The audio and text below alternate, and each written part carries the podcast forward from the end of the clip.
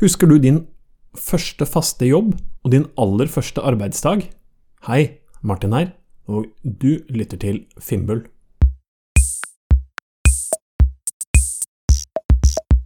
I en nettavis leste jeg i sommer om bedrifter som ikke ønsker å bruke juniorkonsulenter. Årsaken skal være en slags oppfatning om at juniorer fortsatt er under opplæring. Nå varierer det litt hva man legger i begrepet junior, men selv tar jeg gjerne inn nyutdannede rett fra studiene, enten de ansettes hos oss eller leies inn som konsulenter. Når jeg skriver stillingsannonser, skriver jeg eksplisitt, og jeg siterer fra en stillingsannonse jeg har ute akkurat nå, at du er ikke redd for å søke selv om du ikke har noen utdanning i det hele tatt, eller har en helt annen utdanning, men mener at du er kvalifisert. I en slik formulering fanger man opp kvalifikasjoner man kanskje ellers går glipp av, herunder også nyutdannede.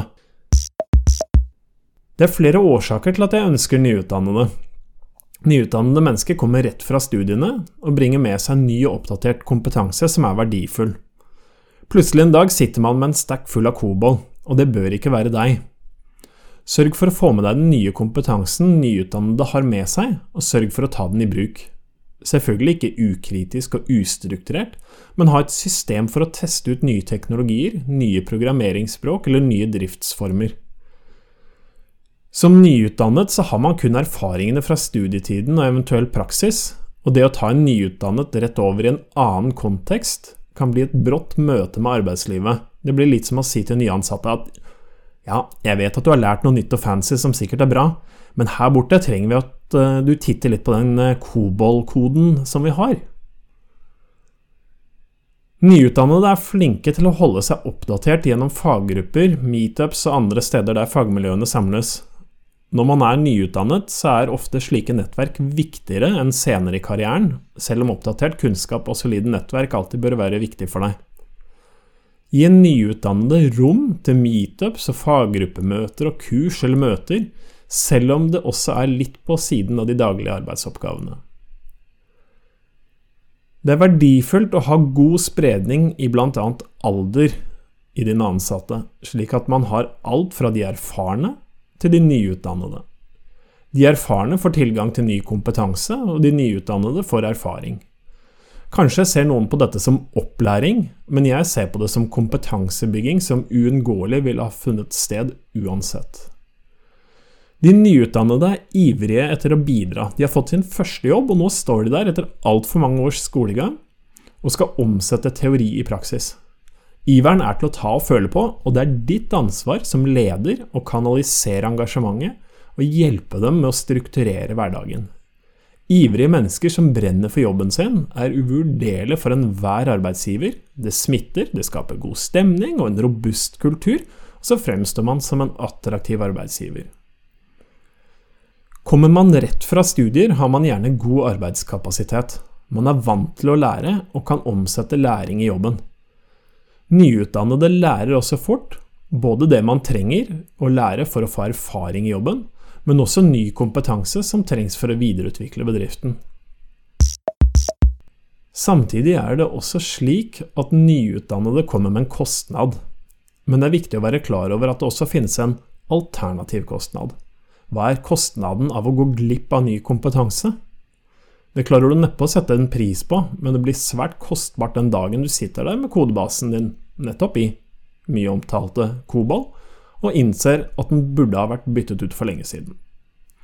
Tar man inn nyutdannede, mangler de erfaring. Selvfølgelig, det er deres første jobb. Du manglet også erfaring din første dag på jobb, men du fikk like fullt jobben. Vi starter alle et sted, og gradvis får vi erfaring. Manglende erfaring kan i begynnelsen være manglende evne til å sette eget arbeid inn i en større kontekst. Hvorfor driver jeg med denne oppgaven, og hvordan passer den inn i bedriftens strategi? Det er ditt ansvar som leder å kommunisere viktigheten av arbeidet som gjøres, og hvordan det passer inn i strategien og bedriften. I episode 11 av Fimbul kan du lære om hvordan enkeltoppgaver og initiativer visualiseres og kobles sammen med strategien gjennom OKR. Manglende erfaring kan også bety at man ikke vet hvordan man strukturerer egen arbeidshverdag, og hvordan arbeidsprosessene fungerer.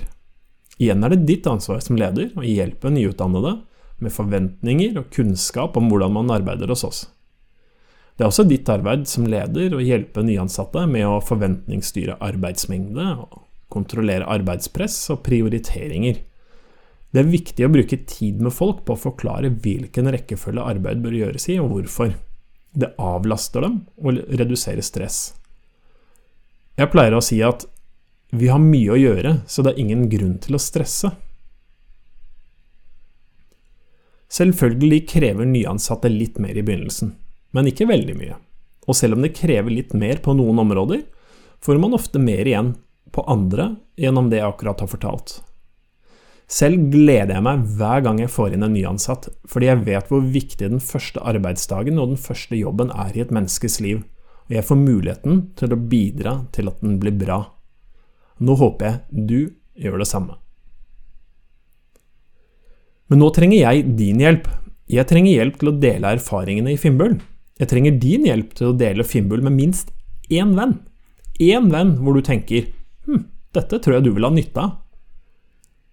Be dem om å besøke fimbul.tech, fimbul.tech. Tusen takk for at du lytter til Fimbul, og for at du deler. Vi høres!